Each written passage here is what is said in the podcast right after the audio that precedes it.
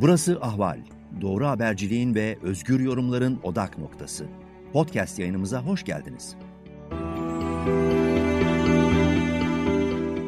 Merhabalar, e, Gidişat programında akademisyen Yektan Türk Yılmaz ile birlikteyiz. E, ilginç gelişmeler yaşanıyor Türkiye'de.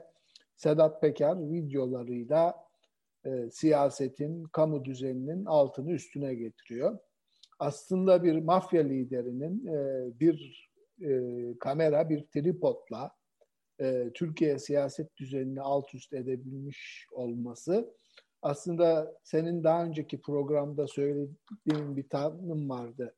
Kumaşa güve girmiş, her tarafını yemiş. Sen dokununcaya kadar o aynı sağlamlıkta duruyor ama bir köşesinden tutunca elinde toz kalıyor sadece. Şu anda Türkiye'de devletin hali maalesef o öyle görünüyor. Ee, nedir şu anda bize bu tablonun anlattığı? Mafya var, e, kara para var, uyuşturucu var, tecavüz var, kadın cinayeti var, var oğlu var yani aklına gelebilecek. Yani işte Gazze'de insanlık dışı eylemler diyorlar ama yani hepsini Türkiye'nin böyle iki yıldır, üç yıldır yaşadıklarımızı bir araya koyarsak sürekli bir e, bombardıman altında olduğumuz görülüyor. Yani belki üstümüze açıktan bombalar gelmiyor uçaklardan, roket atılmıyor ama ahlaki olarak, toplumsal olarak, değersel olarak, insanına e, verdiğin değer olarak bir a, alçak bir saldırı altında Türkiye toplumu ve e, toplum devletin baskısından işte bekçisiyle, polisiyle, askeriyle, gazıyla, panzeriyle biraz e, çekiniyor ama karşısında mesela işte bu tablo Türkiye'nin legal bütün iş dünyasını e, iflasa götürüyor. E, yatırım gücü kalmıyor, rekabet gücü kalmıyor. E, belli ki biraz onlar da bu sistemden belirlendiği için ne onlar harekete geçiriyor ne de onlara sırtını dayamış bir siyasi parti e, harekete geçiyor. Yani e, izleyenler için belki karanlık tablo ama sürekli birbirini üreten, eskiyi tekrarlayan, e, Çiller gidiyor, Tayyip Erdoğan geliyor, gidiyor, e, ANAP geliyor falan. Böyle kirlilik, mafya yani e, şey gibi sokakta e, zor durumdaki genç kız tecavüzcü biri saldırıyor, imdat diye bağırıyor, koşuyor biri kurtarmaya geliyor. Ama o tecavüz ediyor genç kıza ya da genç kadına. Türkiye devleti işte Kürtlerle savaş adı altında hep mafyaya, kriminal unsurlara gidiyor. Sonuçta bu işte 90'larda bankaların e, satışında mafyanın söz sahibi olması, e, banka kredileri işte e, Erol Evcil diye bir adam vardı. 300 milyon dolar verdi İş Bankası. Kimse dönüp kim verdi, niye verdi diye sormadı. Adam kahraman gibi emekli oldu gitti e, bankanın genel müdürü, yönetim kurulu üyeleri yaşadı ki orada CHP'nin de üç tane üyesi var sabit. Yani bunlar hep yaşanıyor. Sonra bir normal dönem yaşıyoruz. Aa gene Kürtler tehdit oldu diyor. Gelsin Mehmet Ağar, Alaaddin Çakıcı bunları halletsin diye ee, şey oluyor. Bir daha aynı filmi yaşayıp duruyoruz. Bu, bu böyle sürüp gidecek mi? Nasıl görüyorsun ya? Valla e, herhalde Türkiye'de Türkiye tarihinde bir dönemin e, sonuna geldik. O kesin. O geldiğimiz son dönemde e, sanırım e, e, bir haklı olduğu konu şu rejimin başındakilerinin eski Türkiye gitti. O bahsettiğiniz Türkiye gitti. Yani o yani bu bu rejim bir konuda başarılıysa, başarılıysa o yıkım konusundadır. Yıkımda çok başarılılar. Yani kaldı ki bu da çok büyük bir maharet istemiyor bildiğiniz gibi. Biraz toplumsal destek aldınız. Elinizde 3-5 tane bunun cihazı vardıysa işte askeri polis, yargı, özellikle yargıyı tabii büyük bir e, ta, görülmedik ölçüde bir silaha çevirdiler. Yok onlar da yetmedi. O artık o kadar paranoyaksınız ki bu devlet içindeki herhangi bir güçten, topluluktan da korkuyorsunuz. E, onun yerine bir de bir de bekçi kuralım diyorsunuz. Bir de sadat kuralım diyorsunuz vesaire vesaire. Bu gittikçe gidiyor. Yani sonuç itibariyle bir yıkım gücü olarak geldi Türkiye'ye. E, yıkım gücüne dönüştü pardon. E, AKP'nin liderliğindeki rejim, Erdoğan'ın liderliğindeki rejim e, bilhassa 15 Temmuz sonrasında esas itibariyle e, hayatta kalmasını bu yıkımdan aldığı enerjiye borçlu. E, bu iktidar paranoyak bir iktidardı. Paranoyak iktidar gölgesinden korkan bir iktidardı. Bu iktidar en fazla kendi devlet içerisindeki güçlerden korkan bir iktidardı. Yani bu darbe söylentileri şunlar bunlar tümden de yabana atılmaması gereken şey sözler. Ee, ve yani e, sonuçta darbe girişimleri şeyler şimdi sonradan e, inkar etti AKP anlaşmaya varınca ama o balyozdu, ay ışığıydı ve yani komuta kademesinin bile inkar edip yok diyemediği olaylardı bunlar. Hayır hayır onu onu demiyorum. Bu e, e, yani gerçek bir darbe tehdidi. Oradaki kaygı farklı bir kaygıydı. Oradaki kaygı kendi dışındakilerden kaygıydı. Yani sonuç evet. itibariyle o bahsettiğiniz kesimler rejimin parçası değildi, değil mi? Yani onlar rejimin dışındaki parçalardı. Benim bahsettiğimse 15 Temmuz sonrasında yani aslında bunu on, e, bunu e, belki 2014'de de çekebilirsiniz.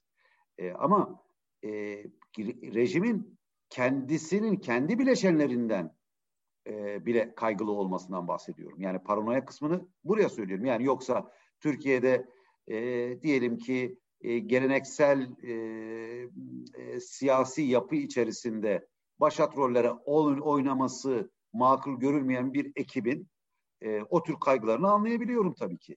Veyahut da Türkiye'deki eski rejimin bekçisi olarak kendisini görenlerin de acaba biz bunlarla ilgili neler yapabiliriz diye fikir cimnastiği yapmış olmasını da anlayabiliyorum. Yani bu anlaşılabilir bir şey.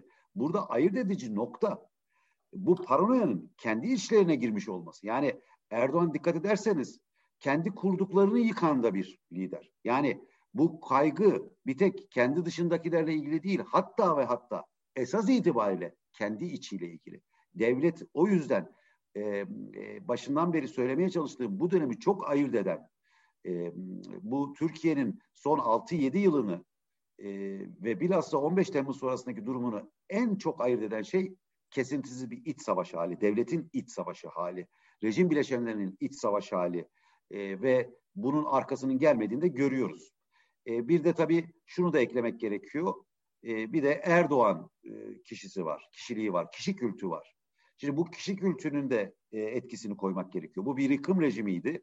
Yıkım rejimi olmasının sebebi bir yanında e, kişi kültünün e, kaygılarına bir yandan bağlıyken ikincisi ikinci olarak da tek adamlığı kurmak için her bedeli öde, e, her bedeli ödetmeyi hem devlet kurumlarına hem Türkiye toplumuna makul, mübah gören bir liderlik vardı.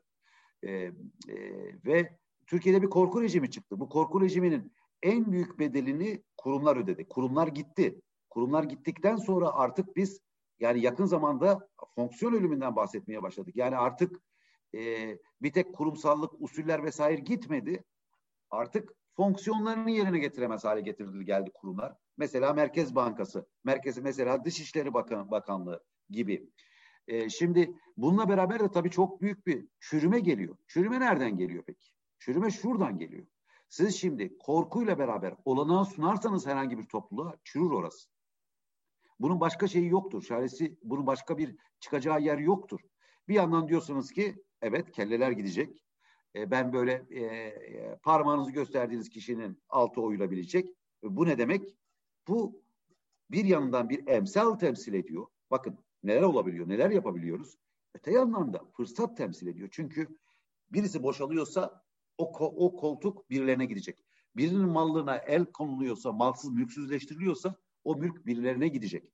Ve dolayısıyla tepeden aşağıya Türkiye toplumu e, en başı en fazla olmak üzere çürüdü. Yani o bizim halıya döndü. Ve şu anda da öyle bir hale geldik ki bir kişi şimdi Sedat Peker şuydu buydudan öte. Bu bir parti değil. Bakın. Bu bir e, örgüt değil. Örgüt değil derken. Bir kamera zaman, bir tripod. Evet. Ve onun üflemesiyle elleri ayakları birbirine karışıyor. Bu elleri ayakları birbirine karışmayı aslında biz daha önce de gördük.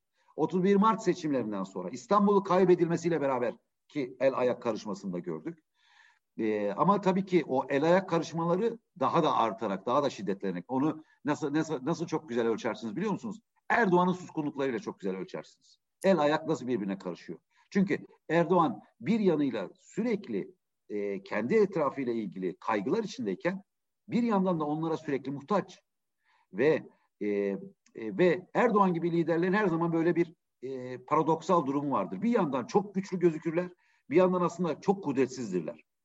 Yani her şeyleri o yapıyormuş gibi gözükür ama bir yandan da e, bu e, bu kurdukları kişi kültürünün altında kendi altını da oyan bir mekanizma yaratırlar. Erdoğan tam anlamıyla şu anda bu duruma düşmüş durumda ve zaten e, daha önce söyledim ben 2016 sonu 2017 itibariyle zaten bu durumu tarif ediyordum. Ve o durumda artık tablo çok netleşmiş durumda gözümüzün önünde. E, bundan sonra ne olacak? E, yani ben e, e, al bayrağın e, yani 31 Mart seçimi dönüm noktasıydı ve 31 Mart sonrasında biz post Erdoğan dönemde yaşıyoruz demiştim. Yani bu ne demek? Erdoğan gitmiyor olabilir ama iktidar bileşenlerinin, rejim bileşenlerinin artık e, e, Erdoğan'ın bu rejim bileşenler arasındaki ayrılıkları susturan ve onları toparlayan bir güç olma vasfını, bir figür olma vasfını kaybettiği bir andı o. Ve ondan sonraki rejim içi siyaseti Erdoğan sonrasının hesapları üzerine yürüyen bir siyasetti. E, Albayrak'ın istifası çok önemli bir kırılma noktası. O da nedir? Bence artık geri dönülmez çöküşe girdi bu rejim. Onu da konuşmuştuk o zaman ve bu da oldu. Ve bu da artık netleşti. Yani Türkiye'de uzun zamandan beri stabiliz işte Erdoğan yeni rejimini kuruyor. Yok efendime söyleyeyim Bonapartizm, yok Türkiye'de yeni devlet falan filan şeyleri bir anda uçtu. Herkes artık bugün şey demeye başladı, çöküş demeye başladı. Ee, ama ben henüz daha çakılma anını gördüğümüz görmedik tabii ki bu çok açık. Ee, yani bu andaki... bir çöküş mü Yekten yoksa böyle işte yani artık ceset ortada kalmış aylardır e, lime lime dağılıyor ve ağır bir koku yani onun kokusunu görüyoruz ama evet evet evet hala da bir gücü var böyle e, yok olup gitmiyor. Ortada duruyor yani. Çünkü şiddet tekeli çok güçlü elindeki. Hiçbir şey Tabii. olmasa askeri var uçağı var Tabii. E, silahı var yani. İşte biber gazı var her şeyle e, yapıyor. Yani şimdi biz e, bugün Soylu şey açıklaması yapmış o gazeteciyle olan ilişkisi konusunda. İşte aracı olarak gittiğini iddia eden gazeteciyi bir yıldır hiç görmediğini söylüyor ve kendisine tuzak kurulduğu için suç duyurusunda bulunacağını söylüyor. Yani şimdi biz e, o durumda olsak Türkiye'de gece yarısı evimizi polis basar alır götürürdü. Demek ki o iki gazetecinin söyleyeceklerinden veya söyleyebileceklerinden de korkan bir İçişleri Bakanı var. Sadece Sedat Peker'den değil. Evet. Ya yani, benim şimdi bir mafya lideriyle bir olup bir İçişleri Bakanı'na tezgah kuruyorsan e, görüşmedim deyip görüştüm o sen onu söylemiştin o da bunu söyledi gibi mesajlar şey yapabiliyorsan e, o zaman yani ikiniz bir olmuşsunuz üçünüz iç, resmi bakana hakikaten bir tezgah kurmuş oluyorsunuz. Bu tweet atmaktan daha ağır bir suç. Tweet atanların evi basılıyor. Demek ki Süleyman Soylu'nun aslında bu gazetecilere karşı çok büyük bir açığı var. Yarın öbür gün mahkeme yani suç duyurusunda bulunmasını da herhalde şey yapacaklar. Tezgah altı yapacaklar. Asıl altı. Şöyle bir şey desem e, Sayın İçişleri Bakanımıza şu noktadan itiraz etsem. Aslında itiraz etmeyeceğim. Yani bir yandan da doğru bir şey söylüyor. Tuzak kuruluyor diyor. E ama zaten bu özellikle 15 Temmuz sonrasında iktidar bloku içerisinde olanların tamamen böyle değil mi? Devlet içerisindeki bütün işleyişler, bütün hesaplaşmalar birbirine tuzak koymak, birbirine omuz atmak, birbirine ayağını çelme atmak değil mi?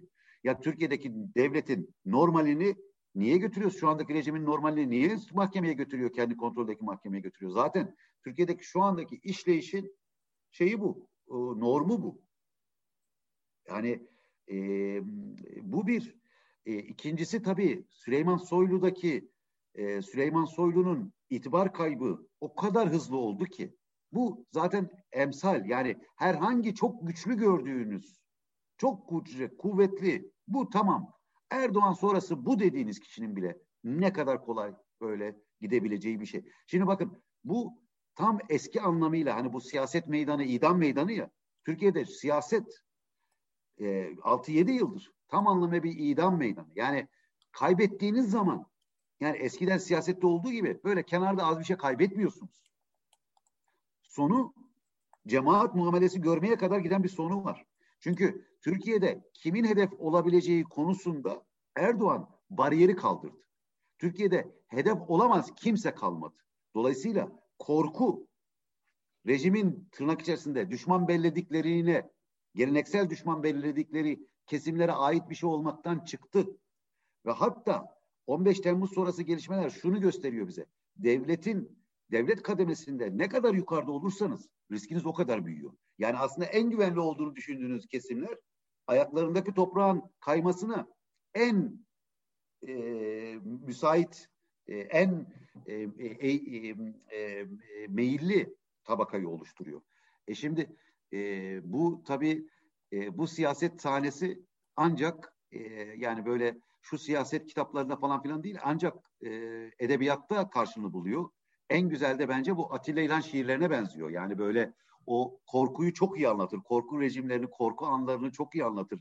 Özellikle o tek partinin savaş dönemi yıllarını, korkularını, işte e, korkunun krallığı, yok efendime söyleyeyim, e, tutku gecedir vesaire gibi. Yani şu anda Türkiye'deki iktidar e, blokunun içerisi aynen böyle bir korku megazmasıyla yürüyor ve dolayısıyla e, e, dolayısıyla herhangi bir kişi e, herhangi bir kişi en yukarıdaki kişi bile bugün en dokunulmaz en güçlü dediğiniz kişinin bile e, yıldızının kayması çok hızlı olabiliyor ve e, bir anda en tepeden en dibe düşünemeyeceğiniz kadar dibe düş, düşmesi an meselesi oluyor.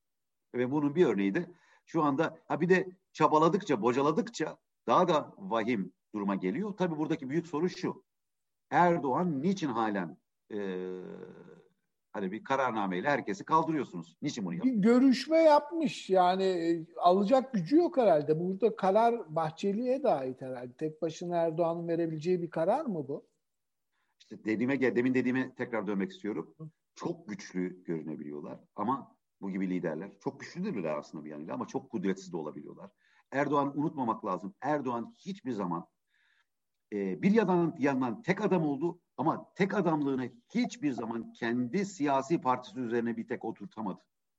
Erdoğan her zaman bir koalisyon üzerine yükseldi ve o koalisyonları, seçtiği koalisyonların tarih içerisine bakarsanız yani son işte 20 yılına bakarsanız o koalisyondaki diğer tarafın bedelinin veyahut da yapabileceklerinin logaritmik olarak arttığını görüyorsunuz gücünün. Yani bu ne demek? Hani bir ters bir şey yaptığınız zaman oradan gelecek hamle çok daha vahim olabilir. Yani e, bugün artık Türkiye Cumhuriyeti'nin en diyelim ki e, yıkıcı olabilecek kesimlerini ikna etmek durumda Erdoğan. E, ve e, zor, işi zor. İşi çok zor. Bir de tabii şöyle bir şey diye düşünün. Şöyle bir analoji yapayım. Yani İskambil kağıtlarından 3-4 katlı bir ev yapmışsınız. Erdoğan şimdi e, bazı komplotörleri de duyuyorum. Diyorlar ki işte efendime söyleyeyim işte Sedat Peker'in videoları falan kaldırılmıyor. Çünkü Erdoğan'ın e, Erdoğan kimleri tasfiye edecekse onun malzemesini istiyor gibisinden. Valla e, ben pek öyle olduğunu düşünmüyorum. Çünkü Sedat Peker ağacın gövdesine vuruyor. Ama herkes görüyor ki ağacın tepesi sallanıyor. Ağacın gövdesine vurduğu zaman tepe sallanıyor. Hem de e, e, tabanda hiç hissedil, hissedilenin kat ve katı miktarda sallanıyor. Ve o çektiğiniz zaman o evden ne kalır bilmiyorum. O, onu bir kere verdiğiniz zaman bir de o şeyi e, söyleyin siz. E, kurbanı verdiğiniz zaman e, Berat'ı ne yapacağız? Al bayrağı. Diğer al bayrakları ne yapacağız? Pelikan grubunu ne yapacağız? Ağrı ne yapacağız? Peki bunlar ne yapacaklar? Yani e, velhasılı kelam al bayrağın istifasıya zorlanması, istifası veyahut da görevinden artık neyi diyelim e, affedilmesi Türkiye'deki rejimin e, çöküş şu anda çök e, çökmeyi geçti diyorsunuz doğru. Benim orada çöküş sürecine girdiği anı söyledim ben. O çöküş sürecine giriş anıdır ve tek yönlüydü bu. Bunun geri dönüşü yoktu. Çünkü iktidarın manevra yapacak sermayesi, olanakları kalmamıştı. Yani bunlar yani hem e, e, ekonomik hem siyasal hem diplomatik e, seviyelerde bu olanakları kalmamıştı. Ve artık gelinen noktada ve bu çöküş dediğimiz şey de parçalanarak gökten yere düşmek gibi düşünün.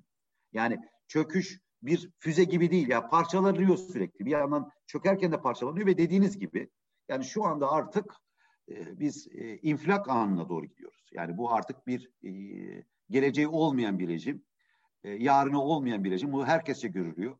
E, dolayısıyla buradan da tabii muhalefete geçebiliriz. E, bu rejimi, bu iktidarı yıkmak için bir muhalefetin ne anlamı vardır bu noktada?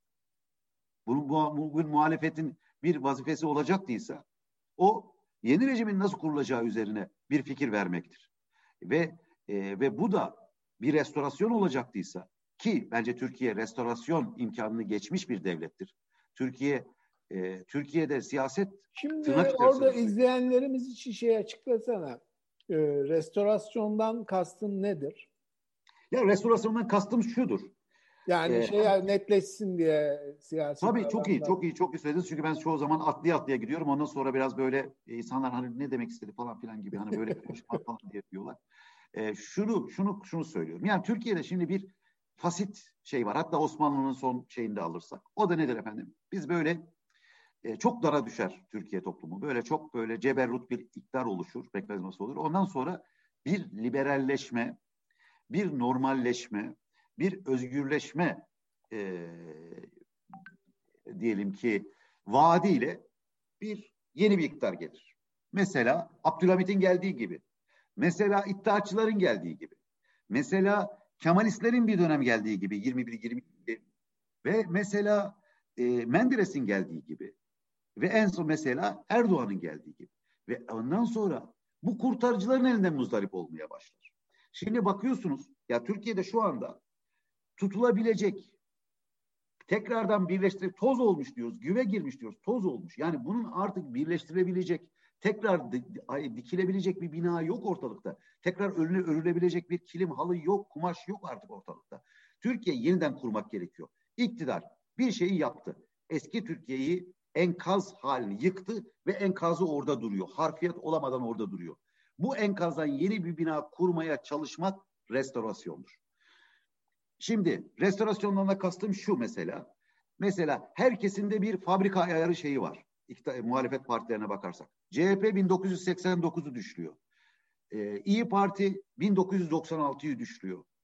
Ee, Babacan e, Deva Partisi e, 2007'yi 2008'i düşürüyor. Ee, Davutoğlu 2014'ü düşürüyor. Burada da bir defa benim hem restore e, restorasyon restorasyonun e, restore edilebilecek bir durum yok. İkinci bir şey daha var, sorun var burada.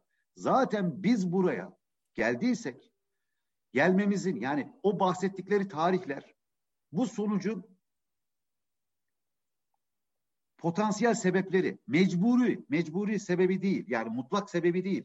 O günler yaşandığı için bugünü yaşamak zorunda değildik.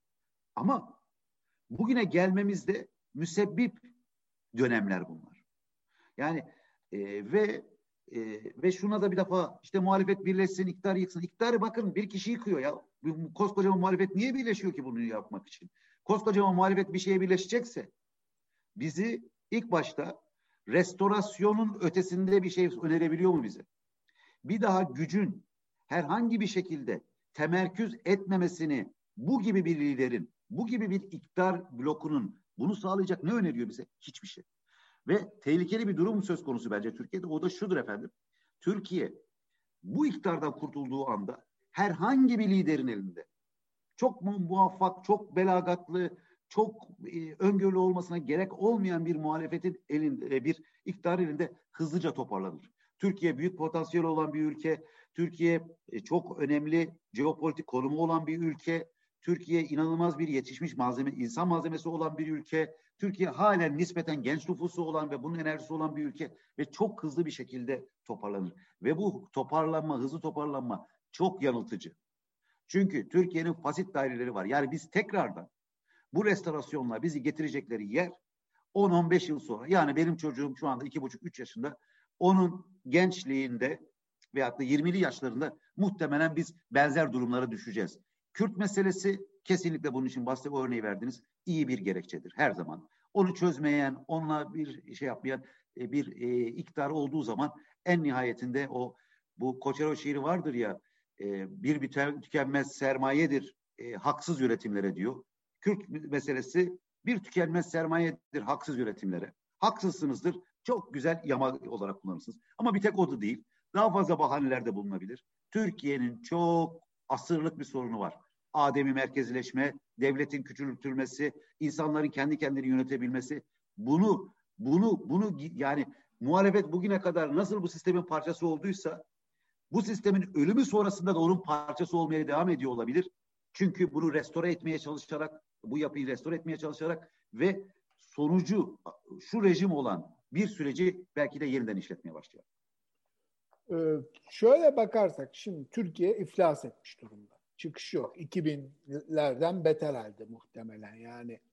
E, Demirel'in 70 sente muhtaç haldeyiz dediği dönemden bile kötü olabilir. Çünkü bankan e, e, adı nedir? E, Merkez Bankası'nda rezervi yok. E, halka verecek parası yok. Aşısı yok. Her şeyi bıraktım.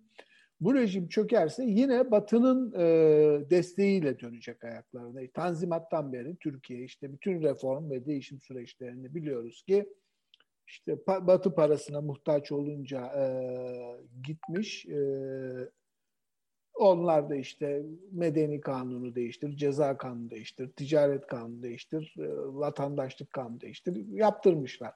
En son Kemal Derviş'le yaptırdık. Senin söylediğinize gelecek olursak yani Türkiye yine böyle kozmetik değişiklikler, şeker kurumu, tütün kurumu, e, Merkez Bankası bağımsızlığı gibi e, bir geçiş dönemi yapıp gerçek hukuk reformunu senin söylediğin o yerinden yönetim dahil olmak üzere eşit vatandaşlık, özgürlük e, modeline geçmezse tekrar aynı bir başkası gelecek yeniden o kurumları yok edip bir yağma birikmiş sermayeye el koyacak bir daha sıfırlayacak değil mi?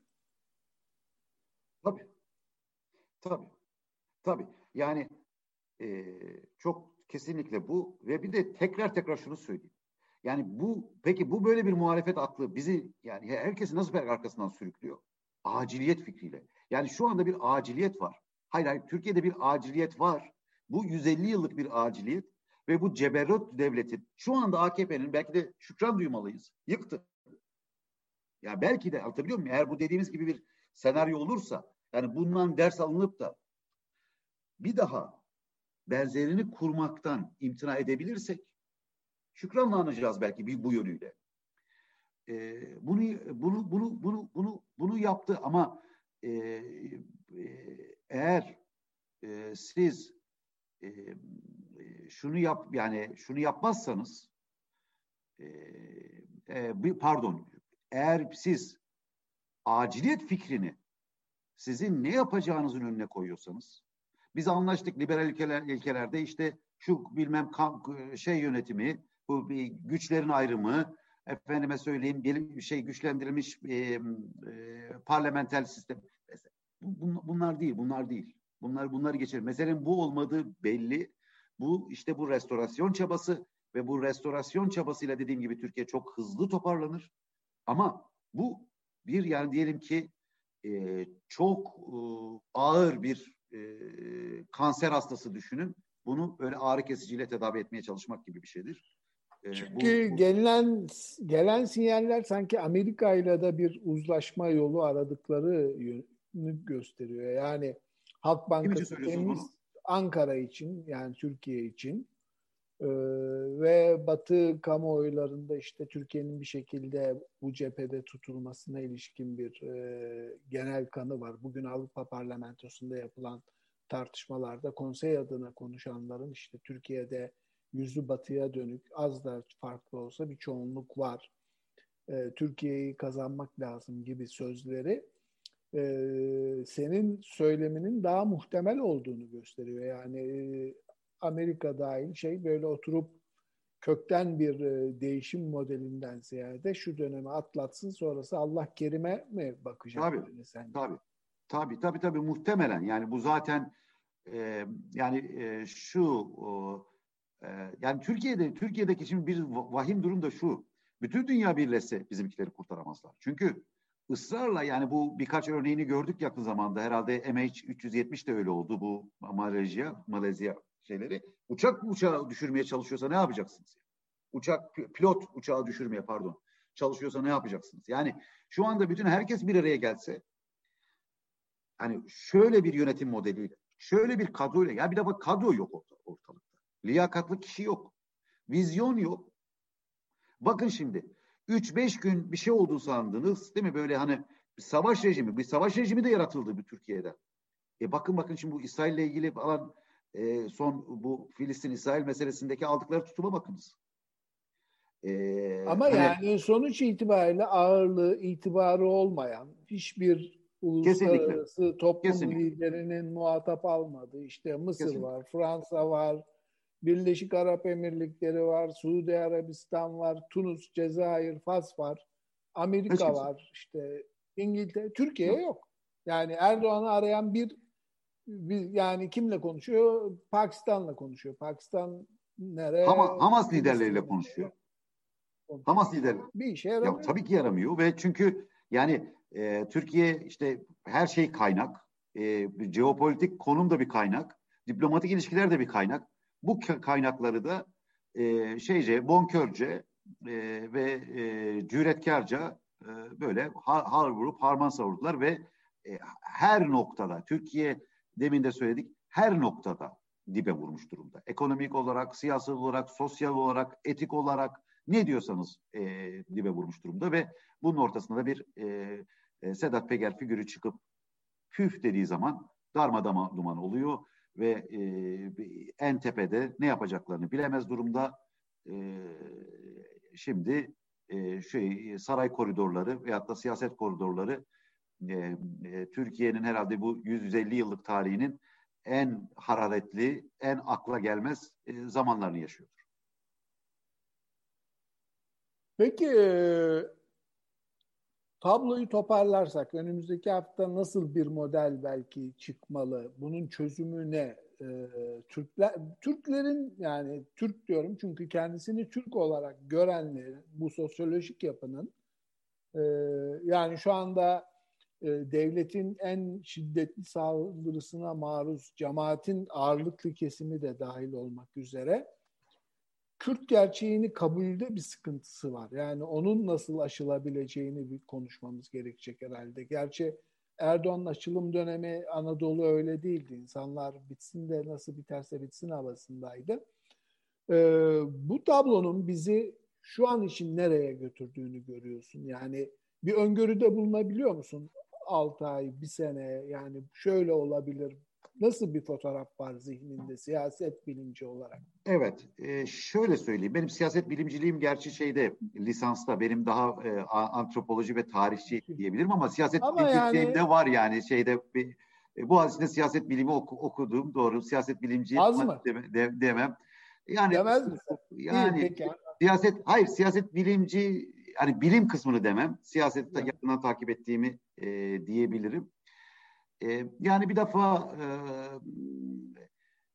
öngörümü şunu söyleyeyim. Yani Türkiye'de rejim için saat tıklıyor. Yani zaten hani e, geçen dedim yani e, bir belki de beyin ölümü bile gerçekleşti diyebilirsiniz. E, ve e, daha da hızlı bir e, şimdi e, yakın zamanda araştırmalar bu kamuoyu araştırmaları düşüş olduğunu gösteriyordu oylarında ama e, hep bunu söylemeye çalıştım. Esas büyük dönüş düşüş iktidar e, elit bloğundaki çat, çatlama arası, arası sonrasında olacak. Bence şu anda sanırım onu görüyoruz.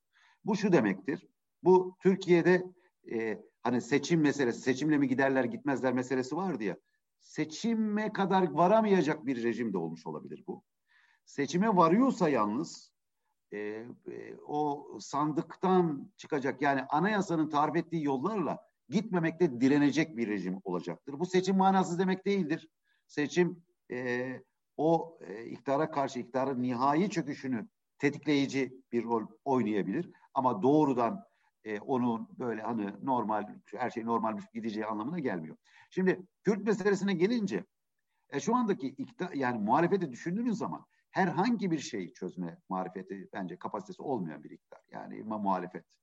E, maalesef bunu yani bunu söylemekten çok imtina ediyordum. Yani muhalefetle ilgili bir şeyler. Ama artık bunun zamanı çünkü hani iktidarın çöküşünü görüyoruz. İktidarı çökmek için bizim muhalefete ihtiyacımız yok. Zaten iktidar çökük durumda. E, o zaman bir kurucu, bir e, alternatif sunucu bir muhalefetliği görmek istiyorsunuz. Maalesef onu da göremiyoruz. Olasıdır ki ben öyle olacağını düşünüyorum. Bu muhalefet, kurumsal muhalefet, parti muhalefeti e, de bu çöküntünün altında kalacak, rejimin çöküntüsünün altında kalacak. Şimdi bir de çok dikkat çekici bir şey var. Türkiye'de bir anda insanların popülerleşmesi, Türkiye'de bir anda e, bir kişinin e, çok böyle bir e, liderlik konumuna gelmesini görüyoruz. Mesela Muharrem İnce ile ilgili oldu. Hatırlıyorsunuz değil mi? Bir anda büyük bir heyecan çıktı ortaya. Arkasından İmamoğlu heyecanı geldi. Şimdi Türkiye'de bir Sedat Peker heyecanı var. Şunu demeye çalışıyorum. Yani muhalefet partileri de kendilerini çok böyle kritik bir noktada da pek görmesinler. Ben çünkü ben kendilerine de çok fazla gelecek görmediğim gibi şunu da unutmamak lazım. Çöküşün kendisi kendi aktörlerini yaratıyor da olabilir. Yaratıyor yaratacaktır. Yani e, Türkiye'de tabandan gelen baskı bir e, yeni e, Türkiye'nin yeni bir Türkiye'yi kuracak liderliği de e, harekette yaratacaktır diye de düşünüyorum. Kürtler kısmına gelince Kürtler kısmında hele çok hiç umut bağlayamayız. Yani şeyi düşünebiliyor musunuz? Yani maalesef bunları konuşmak durumundayız artık. Çünkü artık rejimin yani gerçekten e, artık e, yani bir çöküşün son artık çakılma anlarına gelmiş durumdayız ki e, şu anda bir soruyor Kılıçdaroğlu'na kadınlara başörtüsü falan filan Temel Bey'i gösteriyor. Kadın haklarıyla ilgili Temel Bey'i İstanbul Sözleşmesi'ni İstanbul Sözleşmesi'nin kaldırılmasını isteyen Temel Bey'i referans gönder de, gösteriyorsanız Kürt meselesindeki o zaman da e, Meral Hanım'ı referans gösterin. İşçi hakları ile ilgili Ali Babacan'ı gösterin. Efendime söyleyeyim dış dış siyasetle ilgili de e, şeyi gösterin. Davutoğlu'nu gösterin. O zaman çok güzel. Yani e, artık yavaş yavaş hani şunu anlamak gerekiyor ki bu muhalefet bu iktidarın bir par bu rejimin bir parçası demek derken yanlış anlaşılmasın bir komplo şey olarak söylemiyorum. Onun o mütemmim cüzü. Evet, cüz. Evet, mütemmim cüzü. Ee, ve e, buradan yani buradan dönüştürücü bir şey. Bu dönüştürücü şey Türkiye'de bunun bu, bu talep var. Bu talep zaten Sedat Peker'i bile bu kadar itmesi. Muharrem İnce gibi birini bile görüyorsunuz kendi başına kaldığı zaman nasıl bir siyaset şey yapabiliyor. Hani kurabiliyor. Onları itiyor. Ee, İmamoğlu'nu nasıl itti? Bunu gör. Yani dolayısıyla hani şu anda Türkiye'de de yani muhalefet bizi şöyle esir almaya çalışıyor. Ee, kurumsal muhalefet. Aciliyet var ve bizden başka kimse yok. Hayır. Ee, aciliyet var ama sizin yapacağınız bir şey yok. Zaten çöken bir rejim var. İkincisi de e, evet bu toplum liderlikler çıkartacaktır. Ve Kürtler burada kesinlikle kritik durumda olduğunu düşünüyorum. Çünkü muhalefet içerisinde organize ve e, e, mobilize olması e, daha kolay e, ve e, daha köklü ve iyi tanımlanmış talepleri olan bir kesim.